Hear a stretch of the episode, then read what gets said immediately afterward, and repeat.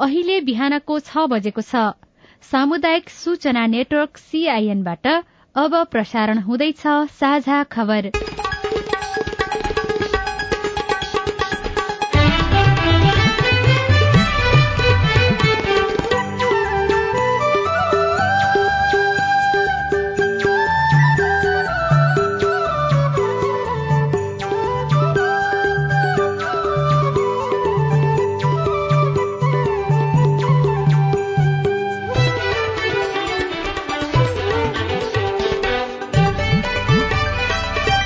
शुभ प्रभात यो सीआईएन को साझा खबर हो। उषा तामाङसँगै लील प्रकाश चन्दको तपाईँलाई स्वागत छ। सामुदायिक रेडियोबाट देशैभरि एकैसाथ प्रसारण भइरहेको साझा खबर सीआईएन खबर डट कम र मोबाइल एप सीआईएनबाट पनि सुन्न सकिन्छ।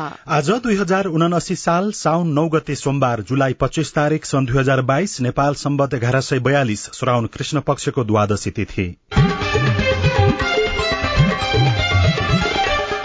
साझा खबरमा प्रमुख खबरका शीर्षकहरू। सड़क वरपरका पुराना रूखका कारण वर्षेनी सयौं दुर्घटना कटानका लागि माधतका निकायमा परिपत्र गर्ने तयारी संसदमा गणपूर्वक संख्या नपुग्ने समस्या दोहोरिँदै। निवर्तमान अर्थमन्त्री शर्माको कल डिटेल हेर्ने नहेर्नेमा दलहरू विभाजित। सिंहदरबारको सीसीटीभी फुटेज अध्ययन गरिने कारागार विधायक पारित। अनलाइन आवेदन मतदाता नामावली संकलनका लागि सजिलो विराटनगरसम्म कार्गो रेल सञ्चालन गर्न भारत तयार। साउन अन्तिमबाट बाह्रवटा नाकाहरूमा विषादी परीक्षण गरिने। हाइटी आप्रवासी सवार डुङ्गा पल्टिँदा सत्र जनाको मृत्यु विश्वव्यापी खाद्य संकट निम्त्याउन आफ्नो भूमिका नरहेको रूसको दावी श्रीलंकाका पूर्व राष्ट्रपति राजापाक्ष विरूद्ध सिंगापुरमा मुद्दा।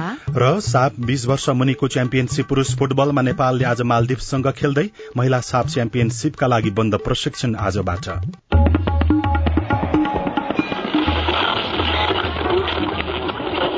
सयौं रेडियो। हजारौं रेडियो कर्मी। र करोड़ौं नेपालीको माझमा यो हो सामुदायिक सूचना नेटवर्क सीआईएन साझा खबरको सबैभन्दा शुरूमा सड़क ओरपरका पुराना रूखका कारण वर्षेनी सयौं दुर्घटना बढ़दै गएको प्रसंग राजमार्ग सड़क आसपासमा रहेका ठूला र पुराना रूखका कारण दुर्घटना बढ़ेको भन्दै वन मन्त्रालयले माताहतका निकायमा यस्ता रूख कटानका लागि निर्देशन दिने तयारी गरेको छ।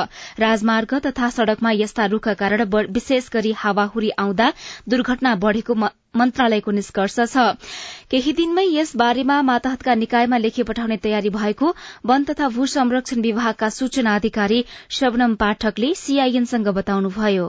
एकचोटि सर्लक्कै लाएर वन कार्यालयहरूलाई हामीले पनि अब चिठी लेख्ने विचार गरेका छौँ कि के कस्तो अवस्थामा छ? सडक छेउमा भएको रुखहरू काट्नुपर्ने स्थिति भए काट्नुपर्ने भनेर अब एउटा हामी छलफल गर्दैछौँ क्या व्यापक छलफल गर्नुपर्ने भयो क्या यो किनभने अब कुन जमानामा लगाएको रुख कसैलाई थाहा छैन त्यो जमानामा लगाएको रेकर्ड पनि छैन कति वर्ष भयो भनेर कसैलाई थाहा पनि छैन। अनि त्यसपछि अब यो धोद्रो भइसकेको अवस्थामा अब काट्नुपर्ने अवस्था काट्दाखेरि पनि फेरि पब्लिकले पनि कहिले ल वनले रुख काटेर सिद्धायो भने त्यो एकदम ढल्ने अवस्थामा थियो क्या सबै रुखहरू। डिभिजन वन कार्यालय अनि सडक सबै मिलेर यो चाहिँ मिटिङ गरेर यसलाई चाहिँ हामीले अनुगमन गरेर गर्नुपर्ने अवस्था तड्काको रूपमा देखिन्छ।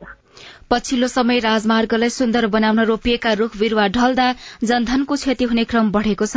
हिजो भक्तपुरमा सलाको रूख ढल्दा भएको दुर्घटनामा तीनजनाको मृत्यु भएको थियो। सड़क किनारका रूखको उचित व्यवस्थापन हुन नसक्दा वर्षेनी मुलुकमा सयौं घटना हुने गरेका छन्। लापरवाहीले निम्ति आएको घटनाले सयौं सर्वसाधारणको ज्यान गइसक्दा पनि यसतर्फ सरकारवाला गम्भीर हुन सकेका छैनन्। सड़क विभागका उपमहानिर्देशक एवं प्रवक्ता भीमार्जुन अधिकारी सड़क किनारमा रहेका लाखौं रूख हटाएर सम्भव नहुने भन्दै जोखिमयुक्त रूख देखिए त्यसलाई हटाउनु पर्ने बताउनुहुन्छ। कतै जोखिमयुक्त रूख देखिए सड़क विभागलाई खबर गरे त्यसको समाधान गर्न सकिने पनि उहाँले बताउनुभयो। जानकारहरूका अनुसार सन् उन्नाइस सय छहत्तरमा इरिक ई होकमद्वारा लिखित द लिजिङ ग्राउण्ड नामक पुस्तक प्रकाशन भएपछि नेपालमा नाङ्गा डाँडाहरूमा विभिन्न प्रजातिका रूखहरू रोप्न थालिएको थियो। उक्त पुस्तकमा वन प्रणालीका कारण सन् दुई हजारसम्म नेपालमा रूख नै नरहने दावी गरिएपछि दात्री निकायहरूले वृक्षारोपण कार्यक्रम ल्याएका थिए। त्यति बेला काठमाडौँका नाङ्गा डाँडा र भक्तपुरको रातो माटो हुने धेरै स्थानहरूमा खोटे सल्लाह रोपिएको थियो। प्रतिनिधि सभाका पछिल्ला बैठकमा गणपूरक संख्या नपुग्ने समस्या देखिन थालेको छ। संसदमा एकै दिनमा तीन पटकसम्म गणपूरक यकिनको माग उठेको छ। त्यसमा पनि प्राविधिक रूपमा दुई चारजना सदस्य बढ़ी उपस्थित भएर गणपूरक संख्या पुग्ने गरेको छ। आइतबार एक घण्टाको अवधिमा तीन पटक संख्या यकिनको माग भयो जसमा दुई पटक गणपूरक संख्या नै पुगेन। असार बाइस गते पनि एकै दिन तीन पटक गणपूरक संख्या यकिन माग भएको थियो। त्यसै पनि हरेक बैठकमा गणपूरक संख्यामा समस्या भइरहेको छ। आइतबार हिजो कारागार विधेयक पारितको प्रस्ताव पेश भएपछि नेपाल मजदूर किसान पार्टीका प्रेम सुवालले गणपूरक संख्या यकिन माग गर्नुभएको थियो। संख्या यकिन गर्दा सत्रजना मात्र पुग्यो गणपूरक संख्या नपुगेपछि बैठक पन्ध्र मिनट स्थगित गरिएको थियो। संविधानको व्यवस्था अनुसार कुनै पनि प्रस्ताव र प्रश्नलाई निर्णयका लागि पेश गर्न सदनको कुल संख्याको कम्तीमा एक चौथाई सदस्य आवश्यक पर्छ जस अनुसार उनासत्तरी सदस्य आवश्यक हुन्छ। दोस्रो बैठकमा पुनः विधेयकलाई निर्णयार्थ पेश गर्दा पनि सुवालले नै संख्या यकिनको माग गर्नुभयो तर उक्त समय भने दुईजना संख्या बढ़ी हुँदा संख्या पुग्यो। दुई हजार भत्ता पक्का गरेर सांसदहरू हिँड्ने गरेपछि कोरम नपुगेर एकै दिन दुई पटक संसद स्थगित भयो। गणपूरक संख्या नपुगेर चालू अधिवेशनमा तीन पटक बैठक स्थगित गरिएको छ। हिजो कारागार विधेयक पारित गरिसकेपछि राष्ट्रिय सभाबाट संशोधन सहित आएको मदन भण्डारी विज्ञान तथा प्रविधि विश्वविद्यालय विधेयकमाथि छलफल भयो। त्यसलाई पनि आइतबार हिजो नै पारित गर्ने कार्यसूची बनाइएको थियो। छलफलमा उठेका प्रश्नको शिक्षा मन्त्री देवेन्द्र पौडेलले जवाफ दिइसकेपछि राष्ट्रिय सभाबाट भएको संशोधन स्वीकृत गरियोस् भन्ने प्रस्ताव निर्णयार्थ प्रस्तुत गर्ने तयारी भयो तर नेमकिपाका सांसद सुवालले सांसदहरू फेरि हिँडिसकेकाले गणपूरक संख्या नपुगेको भन्दै यकिन गर्न माग गर्नुभएको थियो। बल्ल तल्ल जुटेको थियो सांसदको अर्को विधेयक आउँदा फेरि सांसदहरू हराएका छन्। गणपूरक संख्या नपुग्ने क्रम संसदमा दोहोरिँदै गएको छ। सरकारले सवारी साधनमा इम्बोस्ड नम्बर प्लेट देवनागरी लिपिमै राख्ने भएको छ। भौतिक पूर्वाधार तथा यातायात मन्त्रालयले अंग्रेजीमा लेखेको इम्बोस्ड नम्बर प्लेटमा विवाद भएपछि नेपालीमै लेख्ने तयारी गरेको हो। नम्बर प्लेट देवनागरी वा अंग्रेजी र देवनागरी दुवै लिपि राख्ने कानूनी व्यवस्था गर्न कानून मन्त्रालयमा लिखित पत्र पठाएको र अबको एक दुई दिनमा यसबारे मन्त्रालयले सुझाव पठाउने भौतिक पूर्वाधार तथा यातायात मन्त्री मोहम्मद इस्तियाक राईले बताउनुभयो। कानून मन्त्रालयले अनुसूची हेरफेर गरेपछि मन्त्री परिषदबाट निर्णय गरी कानूनी बाटो खुलाउने तयारी भइरहेको मन्त्री राईले सीआईएनसँग बताउनुभयो। इम्पोस्ट प्लेटको हकमा चाहिँ अब सबैभन्दा विवादित विषय भाषा सम्बन्धी विवादित विषय भयो त्यो हाम्रो कानूनले चाहिँ अनुसूचीहरू क्याबिनेटबाट संशोधन गरेर चाहिँ देवनागरीमा गर्न सक्ने प्रावधान राख्ने भन्ने निर्णय बनाएछौँ अगाडि। त्यसका लागि कानून मन्त्रालय रायका लागि पठाइसकेका छौँ। उता राय सहमति आउने बित्तिकै क्याबिनेट प्रस्ताव जान्छ र संशोधन हुने बित्तिकै चाहिँ त्यो बाटो पनि खुल्छ। र अब देवनागरीमै अब ठेकेदारसँग समन्वय गरेर कास्ट नबढाउने गरी सहमति हुने बित्तिकै देवनागरीमै राख्ने व्यवस्था मिलाउँछौँ। सरकारी कामकाजको भाषा देवनागरी लिपि भएकाले नम्बर प्लेटमा नेपाली अक्षर हुनुपर्ने भन्दै अधिवक्ता भरत कुमार बस्नेतले फागुन दुई हजार चौहत्तरमा रिट दर्ता गराउनु भएको थियो। रिट परेपछि अदालतले अन्तरिम आदेश जारी गर्दै नम्बर प्लेट जडान कार्य रोकेको थियो। उक्त मुद्दामा रिट खारेज गरेपछि पुनः अघि बढ़ाउने बाटो खुलेको हो। सर्वोच्चले विद्यमान प्रचलित कानून बमोजिम फैसला गरेका कारण कानून संशोधन गरेर देवनागरी लिपि प्रयोग गर्न लागि मन्त्री राईले बताउनुभयो। बजेटमा करका दर हेरफेरमा अनधिकृत व्यक्ति प्रवेश गरेको विवाद छानबिनका लागि गठित संसदीय विशेष समितिलाई थपिएको म्याद सकिन अब चार दिन मात्रै बाँकी छ तर अहिलेसम्म ठोस प्रमाण फेला पर्न सकेको छैन। समितिले निवर्तमान अर्थमन्त्री जनार्दन शर्मा सचिवद्वय मधुकुमार मरासिरी र कृष्णहरि पुष्कर लगायतसँग छलफल गरिसकेको छ। सम्बद्ध राजनैतिक नेतृत्व र कर्मचारीले आरोप अस्वीकार गरेका छन्। समितिले डिटिएल डिलिट भइसकेको भनिएको सीसीटीभी फुटेज रिकभरी प्रक्रियामा पठाए पनि प्रतिवेदन अझै पाइसकेको छैन। छानबिन समितिमा रहेका मध्ये प्रमुख प्रतिपक्षी दल नेकपा एमालेका सांसदले पूर्व मन्त्री शर्माको कल डिटिएलमा मागेर थप अनुसन्धान गर्नुपर्ने अडान राखेका छन्। नेकपा माओवादी केन्द्रले भने वैयक्तिक गोपनीयताको प्रश्न उठाएर विवरण माग्न नहुने अडान लिएको छ। दुई दलका प्रतिनिधिबीच प्रक्रियामा नै विवाद हुँदा विवरण माग्ने वा नमाग्ने भन्ने विषयमा समिति अझै अनिर्णित बनेको छ। बजेट निर्माणमा अनधिकृत व्यक्ति प्रवेशको विषयमा छानबिनका लागि गठित समितिले जेठ चौध गते राति सिंहदरबार प्रवेशद्वारको सीसीटीभीको भिडियो हेर्ने निर्णय गरेको छ। अर्थ मन्त्रालयसँग माग्दा जेठ चौध गते रातिको सीसीटीभी फुटेज फेला नपरेपछि समितिले सिंहदरबार प्रवेशद्वारकै भिडियो हेर्ने निर्णय गरेको हो। समिति सचिवालयका अनुसार गृह मन्त्रालयसँग सिंहदरबारको दक्षिण र पूर्वी प्रवेशद्वारका सीसीटीभी फुटेज मागिएको छ। तत्कालीन अर्थमन्त्री शर्माले बजेट निर्माणका क्रममा अनधिकृत व्यक्ति प्रवेश गराई करको दर हेरफेर गराएको आरोप लागेपछि संसदीय छानबिन समिति गठन भएको थियो। विषादीका कारण उपभोक्ताको स्वास्थ्य जोखिममा परेको भन्दै सरकारले यही साउन अन्तिम साताबाट नेपालका बाह्रवटा नाकाहरूबाट परीक्षण शुरू गर्ने भएको छ। भारतबाट आयात हुने तरकारी तथा फलफूलमा भएको विषादी परीक्षणका लागि हाल सातवटा नाकामा मात्रै परीक्षण केन्द्र सञ्चालनमा रहेका छन्। कृषि मन्त्रालयको खाद्य प्रविधि तथा गुण नियन्त्रण विभागका अनुसार साउन अन्तिम साताबाट खाद्य आयात निर्यात गुणस्तर नियन्त्रण कार्यालय रहेका बाह्रवटा नाकाहरूमा त्यो व्यवस्था गरिनेछ। त्यसका लागि उपकरण जडान लगायत प्राविधिकहरूलाई दिइने अभिमुखीकरण कार्यक्रमहरू भइरहेको विभागका प्रवक्ता मोहन कृष्ण महर्जनले सीआईएनसँग बताउनुभयो। अहिले कार्यविधि छ त्यो परीक्षण गर्ने होइन? त्यसमा तिन क्याटेगोरीको हुन्छ। इनिभिसन पर्सेन्टको आधारमा त्यहाँ हेरिन्छ। जसमा चाहिँ अब पैँतिस पर्सेन्टसम्म आउनेहरूको चाहिँ अब ग्रिन हुन्छ त्यो ल्याउन पाउने हुन्छ। अब पैँतिसदेखि पैँतालिस पर्सेन्ट भएकाहरूलाई त्यो होल्डमा राख्नुपर्ने तिन चार दिन। त्यसपछि पुनः परीक्षण गरेर पैँतिसभन्दा बिलो भएपछि मात्रै उसले ल्याउन पाउँछ। पैँतालिस भन्दा माथि यदि इलिगेसन पर्सेन्ट छ भने त्यो रेड जोन हुन्छ। त्यो चाहिँ उनीहरूले त्यही नष्ट गर्ने अथवा फिर्ता गर्नुपर्ने हुन्छ। विभागले गत कार्तिक एक गतेदेखि सातवटा नाकाहरूमा विषादी परीक्षण गरिरहेको छ। ती नाकाहरूमा चैत मसान्तसम्म चालिस हजार सात सय पचासीवटा वटा आयातित फलफूल तथा तरकारीको नमूना परीक्षण गरिएकोमा बत्तीसवटा नमूना खानका लागि अयोग्य थिए।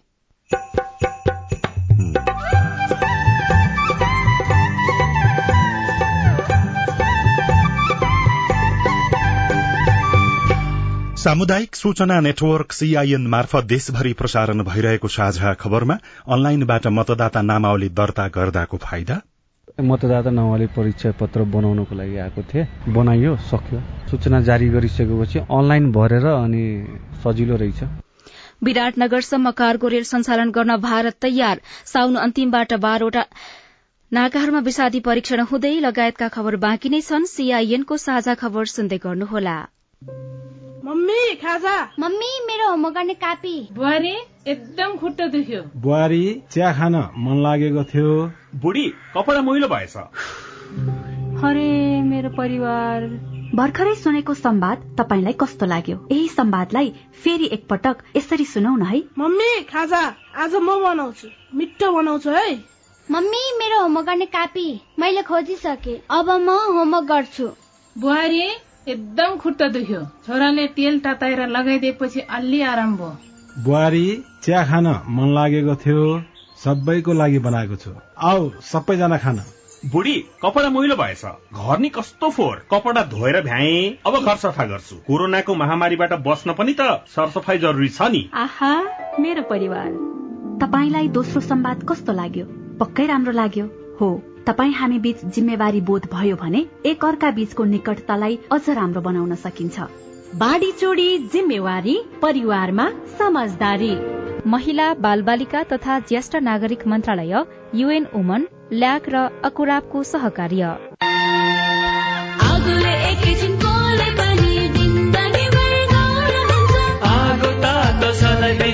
प्रयोग गर्दा होस् गर्नुपर्छ।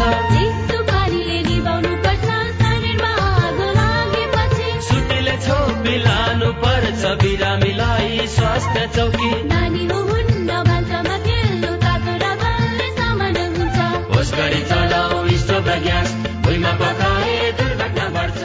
अग्निजन्य दुर्घटना भएमा शून्य एक पचपन्न पचपन्न छ आठ नौमा सम्पर्क गर्नुहोस्। बीबीएस नेपाल ललितपुर।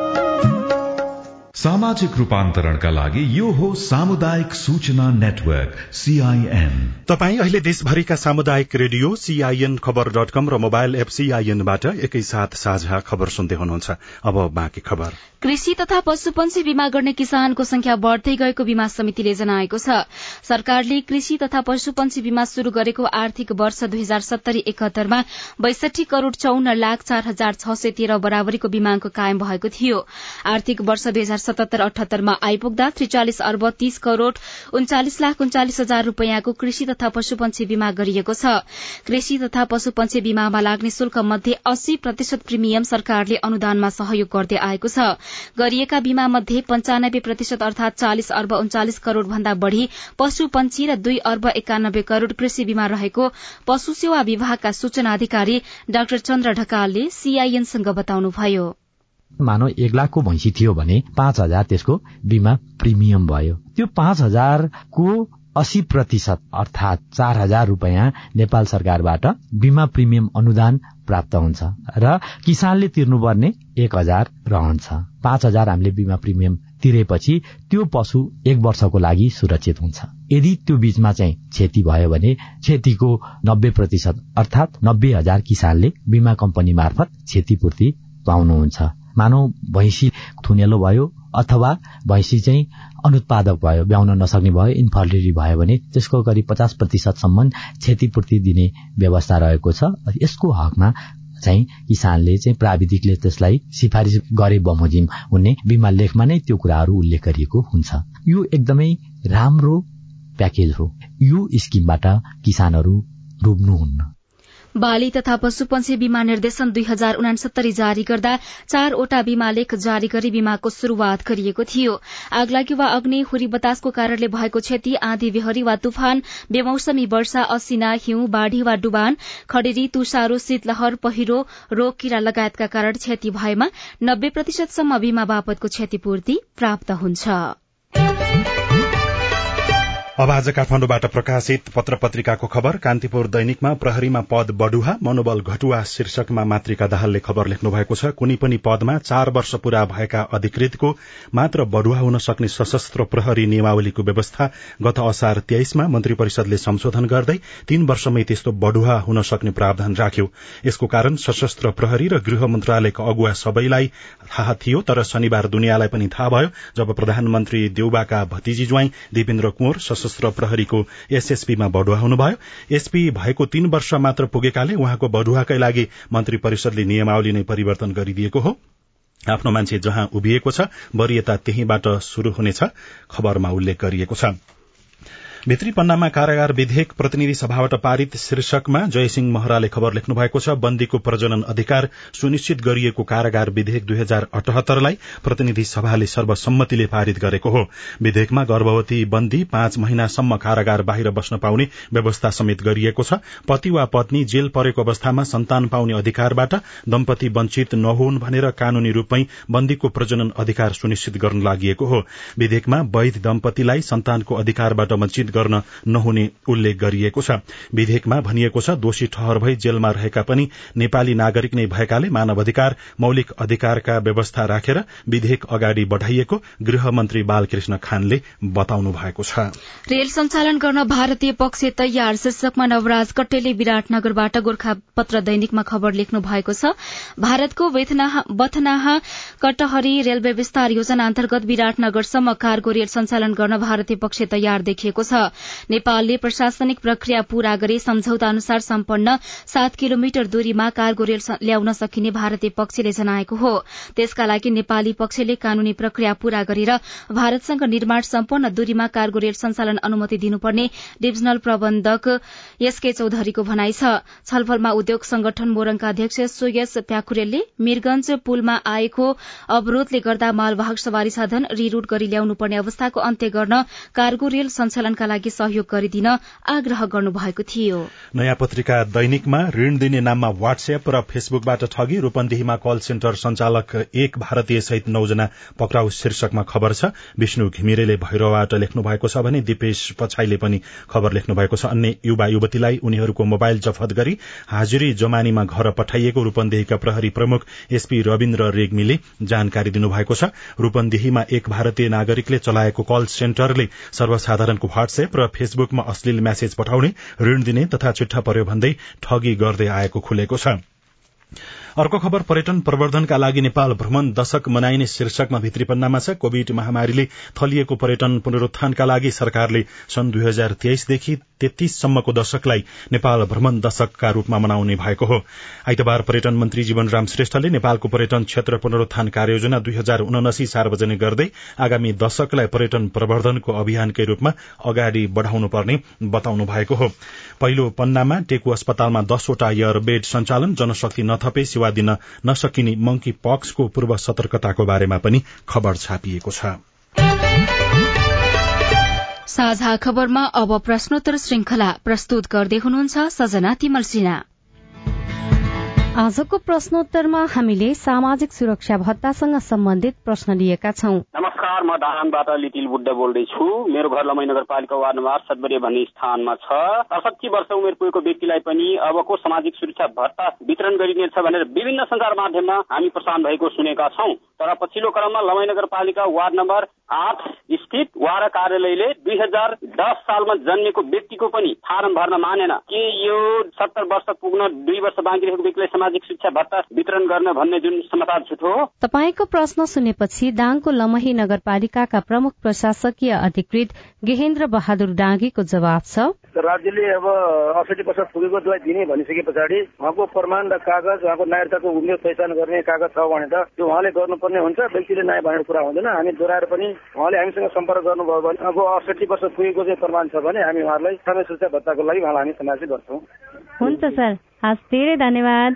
हस् हस् नमस्कार। हस् नमस्कार म नाथा कुमारी साई कालीकोट जिल्ला राजकोट नगरपालिका वडा नम्बर तिनबाट बोलेको मेरो जिज्ञासा यो छ कि मैले बाल पोषण सुरक्षा भत्ताको लागि बैङ्कमा खाता खोलेको थिएँ। मेरो बच्चा चार वर्षको भयो र पोषण भत्ता पाउनु पर्ने सोह्र सयमा पाँच सय मात्र बैङ्कमा आएको छ। अरू बाँकी पैसा कहाँ गयो? जवाफ दिँदै हुनुहुन्छ राजकोट गाउँपालिकाका सामाजिक सुरक्षा तथा पञ्जीकरण शाखा प्रमुख हुकुम शाही। के हुन्छ भने सुरुबाट लागू हुने मिति भएर एक महिनामा चाहिँ आउने हुन्छ। अन्तिम मिति छ भने अन्तिम अन्तिम लाटकट्टा हुँदै गरेको हुन्छ नि। त्यही भएर चाहिँ एक महिनाको आउने हुन्छ कि? सर्वत त्यो एक महिनाको पैसा उहाँहरूको पाँच सय बत्तिस रुपियाँ हुन्छ। त्यो त्यसको लागि डिटेल हामीले पनि सिस्टमबाट हेर्नुपर्छ अनि उहाँहरूको एक दिन जन्म लिएर हेर्नुपर्ने हुन्छ हामीले। बोल्दैछु। भुक्तान गाउँपालिकाले जुन बैङ्क दिने भत्ता मार्फत जुन बैङ्क मार्फत भनेको भत्ता थियो त्यो वृद्ध भत्ता मेरो बुवाको मृत्यु भएको छ। चैत महिनामा मृत्यु भइसकेपछि तपाईँको बुवाको सिफारिस र आउनुहोस् भनेको थियो म भत्ता दिन्छु भनेको थियो। तर भत्ता खातामा आइसक्दा सक्दै पनि भोलि आउनुहोस् पर्सि आउनुहोस् भन्छ। महाराजी तपाईँको गुनासो हामीले बोक्टान फुटसेल गाउँपालिकाका एमआइएस अपरेटर जीवन बमलाई सुनाएका छौं। उहाँको बुवाको मृत्यु भइसकेको हुनाले उहाँको बुवाको खातामा जम्मा भएको रकम चाहिँ निज जुन व्यक्ति बुझ्ने हो उहाँको खातामा झिकिनु पर्ने हुन्छ कि त्यसको लागि चाहिँ उहाँले चाहिँ ब्याङ्कमा गएर आफ्नो फर्म पनि भर्नुपर्छ। यसको लागि चाहिँ उहाँले फर्म भरिसकेपछि ब्याङ्कले त्यो फर्म चाहिँ हेड क्वार्टरमा आफ्नो हेड अफिसमा पठाउँछ र उताबाट एप्रुभल भइसकेको एक हप्तापछि चाहिँ उहाँको खाता चाहिँ सक्रिय भएर उहाँको खातामा त्यो पैसा चाहिँ जम्मा हुन्छ यसरी झिक्न सक्नुहुन्छ उहाँले। नमस्कार मेरो नाम भावना साउद म कैलाली जिल्ला वडा नम्बर एक चुरे गाउँपालिका। यो ब्याङ्कले सुरक्षा भत्ता वितरण गरिरहेछ। म खबरको गुवापाङ्गो हो। यो एकदमै गाह्रो भइरहेछ हामीलाई। योको लागि सरकारले केही पहल चालिस दिनु पर्यो। तपाईँको जिज्ञासा मेटाउँदै हुनुहुन्छ। चुरे गाउँपालिकाका सहायक किरण कुमार नेपाली। उहाँ आफू सक्नुहुन्न भने उहाँले चाहिँ इच्छा व्यक्तिलाई चाहिँ पठाउने व्यवस्था चाहिँ वडा नम्बर एकले गरेको छ। तपाईँ जुनसुकै बेला हाम्रो टेलिफोन नम्बर शून्य एक बान्न साठी छ चार छमा फोन गरेर आफ्नो प्रश्न जिज्ञासा गुनासा तथा समस्या रेकर्ड गर्न सक्नुहुनेछ। खबरमा अब विदेशको खबर बहामासको तटमा भएको डुंगा दुर्घटनामा हाइटीका कम्तीमा सत्र जनाको मृत्यु भएको छ। बहामियाका प्रधानमन्त्री फिलिप डेभिसले विमानमा सवार यात्रु हाइटीबाट अमेरिकाको फ्लोरिडाको मिया तर्फ जाँदै गरेको अनुमान गरिएको बताउनुभयो पल्टिएको डुंगाबाट पच्चीस जनालाई उद्धार गरिएको छ। रसियाका विदेश मन्त्री सर्गेई लाभ्रोभले कूटनीतिक आक्रमणमा मस्कोले विश्वव्यापी खाद्य संकट निम्ति आएको दावीलाई अस्वीकार गर्नुभएको छ। इजिप्टको कायरोमा अरब लीगका राजदूतहरूलाई सम्बोधन गर्दै उहाँले पश्चिमी राष्ट्रहरूले विश्वव्यापी खाद्य सुरक्षामा प्रतिबन्धको प्रभावको बारेमा गलत सूचना फैलाएको र पश्चिमी राष्ट्रहरूले अरूमाथि आफ्नो प्रभुत्व जमाउन खोजेको आरोप पनि लगाउनुभयो। श्रीलंकाका पूर्व राष्ट्रपति गोटाबाया राजा पाक्से विरूद्ध अधिकार कर्मीहरूको एक अन्तर्राष्ट्रिय संस्थाले पक्राउको माग गर्दै मुद्दा दायर गरेको छ। श्रीलंकामा आन्दोलन चर्किएपछि भागेर सिंगापुर पुगेका राजा पाक्से विरूद्ध सिंगापुरमा उजुरी दिइएको हो। उहाँ विरूद्ध इन्टरनेशनल ट्रुथ एण्ड जस्टिस प्रोजेक्टका तर्फबाट राजा पाक्से विरूद्ध मुद्दा दायर गरिएको सरकारी कार्यकारी निर्देशक संस्थाकी कार्यकारी निर्देशक यास्मिन सुकाले बताउनु भएको छ। सिंगापुरको महान्यायाधिवक्ताको कार्यालयमा शनिबार दर्ता गरिएको त्रिसठी पृष्ठ लामो उजुरीमा श्रीलंकाका पूर्व राष्ट्रपति राजा पाक्सेले श्रीलंकामा चलेको पच्चीस वर्ष लामो गृहयुद्धमा जेनेभा महासन्धिको उल्लंघन गर्नुका साथै मानवाधिकार हनन गरेको दावी गरिएको छ। साझा खबरमा अब खेल खबर साफ बीस वर्ष मुनिको च्याम्पियनशीप पुरूष फुटबल प्रतियोगिता अन्तर्गत नेपालले आज पहिलो खेल मलदिवसँग खेल्दैछ। भारतको भुवनेश्वर स्थित कालिङ्गा रंगशालामा खेल नेपाली समय अनुसार दिउँसो चार पन्ध्र बजे शुरू हुनेछ। नेपालमा हुने महिला साफ च्याम्पियनशीप फुटबलका लागि बन्द प्रशिक्षणमा अन्ठाउन्न खेलाड़ीलाई बोलाइएको छ। त्रिपुरेश्वर स्थित दशरथ रंगशालामा भदौ एक्काइसदेखि असोज तीन गतेसम्म हुने महिला साफ च्याम्पियनशीपका लागि बन्द प्रशिक्षण आजबाट शुरू हुँदैछ। र भारतले दोस्रो ओडिआई खेलमा वेस्ट इण्डिजलाई दुई विकेटले पराजित गरेको छ। अरू जिल्लामा पनि मतदाता नामावलीका लागि अनलाइन आवेदन खुला गर्ने तयारी। रेडियो रिपोर्ट अरू खबर र कार्टुन पनि बाँकी नै छ। सीआईएनको साझा खबर सुन्दै गर्नुहोला। नेपाल टेलिकमको सूचनाको संसार। होइन के सुनेको यस्तो ध्यान दिएर दोहोरो बोलेको जस्तो नि देख्दिन। तीन दुई एक शून्य शून्य क्या? तीन दुई एक शून्य शून्य? के हो त्यो भने? बुझिन त। ल सुन। एनटिसी प्रयोगकर्ताहरूले आफ्नो मोबाइल तथा ल्यान्डलाइनमा तीन दुई एक शून्य शून्य डायल गरी समाचार रेडियो कार्यक्रम खेल र अन्य विषयबारे सन्देशहरू जुनसुकै बेला निशुल्क सुन्न सक्छन्। ओहो निशुल्क? कस्तो सजिलो। समाचार सुन्न छुट्यो भनेर पिर लागेको थियो। अब त म पनि सुनिहाल्छु। कति रे? तीन दुई एक शून्य शून्य। सामाजिक रूपान्तरणका लागि यो हो सामुदायिक सूचना नेटवर्क सीआईएन साझा खबरमा अब मतदाता नामावलीका लागि अनलाइन आवेदनका कुरा। प्रदेश र संघको आगामी निर्वाचनका लागि गत असार एक गतेदेखि मतदाता नामावली संकलनको काम शुरू भयो। त्यसको उनातिस दिनपछि निर्वाचन आयोगले अनलाइनबाटै मतदाता नामावली दर्ता गर्न पाउने व्यवस्था गर्यो।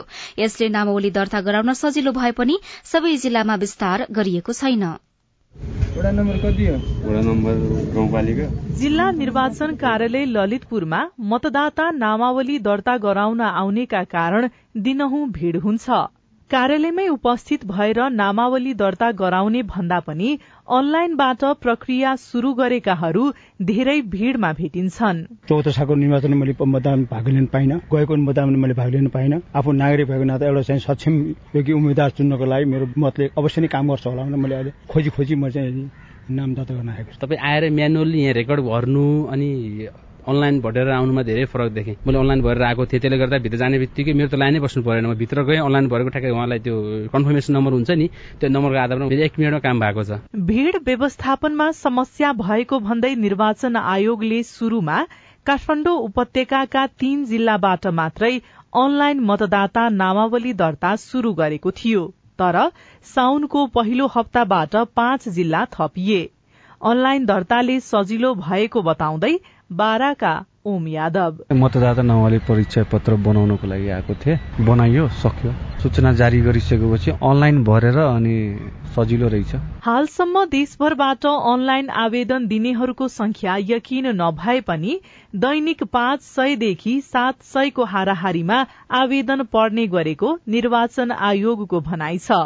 ललितपुर निर्वाचन कार्यालयका निर्वाचन अधिकारी गोमा धमला घिमिरे। अहिले अफलाइन भन्दा अनलाइन भोटर रजिस्ट्रेसनको चाहिँ संख्या डे टु डे वृद्धि हुँदै गइरहेको छ। अनलाइन रजिस्ट्रेसनमा त धेरै सजिलो हुन्छ क्या जनशक्ति पनि धेरै चाहिँदैन। किनभने व्यक्तिगत विवरणहरू भर्नलाई त टाइम लाग्थ्यो नि त। खर्च पनि मितव्ययी पनि हुन्छ। धेरैजनाको अनलाइन रजिस्ट्रेसन गर्न सकिन्छ। विशेष गरी अठार वर्ष उमेर कटेका युवा युवती भर्खर नागरिकता बनाएकाहरू अनलाइनबाट मतदाता नामावलीका लागि आवेदन दिने गरेका छन्। आठ जिल्लामा अनलाइन नामावली दर्ता हुने भए पनि बाँकीमा भने सशरीर हाजिर हुनुपर्छ। अनलाइन नामावली दर्ता देशव्यापी बनाउने तयारी के हुँदैछ? जवाफमा निर्वाचन आयोगका प्रवक्ता शालिग्राम शर्मा पौडेल। कतिपय कुराहरू हामी टेस्टिङमा छौँ। टेस्टिङमा भएको हुनाले यसको फिडब्याक कस्तो आउँछ अनि दुर्गम जिल्लामा कस्तो हुन्छ नेटको कस्तो हुन्छ यो सबै कुराहरू हेरेर अगाडि बढ्नुपर्ने छ। हामी अब पहिला त तीन जिल्लाबाट आठमा पुग्यौं अब कर्मश विस्तार गर्छौं। मत हाल्न पाउनु हरेक बालिग व्यक्तिको अधिकार हो। आफूले कस्तो व्यक्तिलाई देशको कानून नीति निर्माणका लागि चयन गर्ने हो भन्ने अधिकारको उपभोग गर्न मतदाता नामावलीमा नाम हुनै पर्छ। तर अनलाइन प्रणालीको शुरूआत देशव्यापी नबनाइदा कोरोना महामारीको जोखिमका बीच भीड़भाड़ घटेको छैन। स्नेहा कर्ण सीआईएन काठमाडौँ। रिपोर्टसँगै हामी साझा खबरको अन्त्यमा आइपुगेका छौं। सामुदायिक रेडियो प्रसारक संघद्वारा संचालित सीआईएनको बिहान छ बजेको साझा खबर सक्नु अघि मुख्य मुख्य खबर फेरि एकपटक।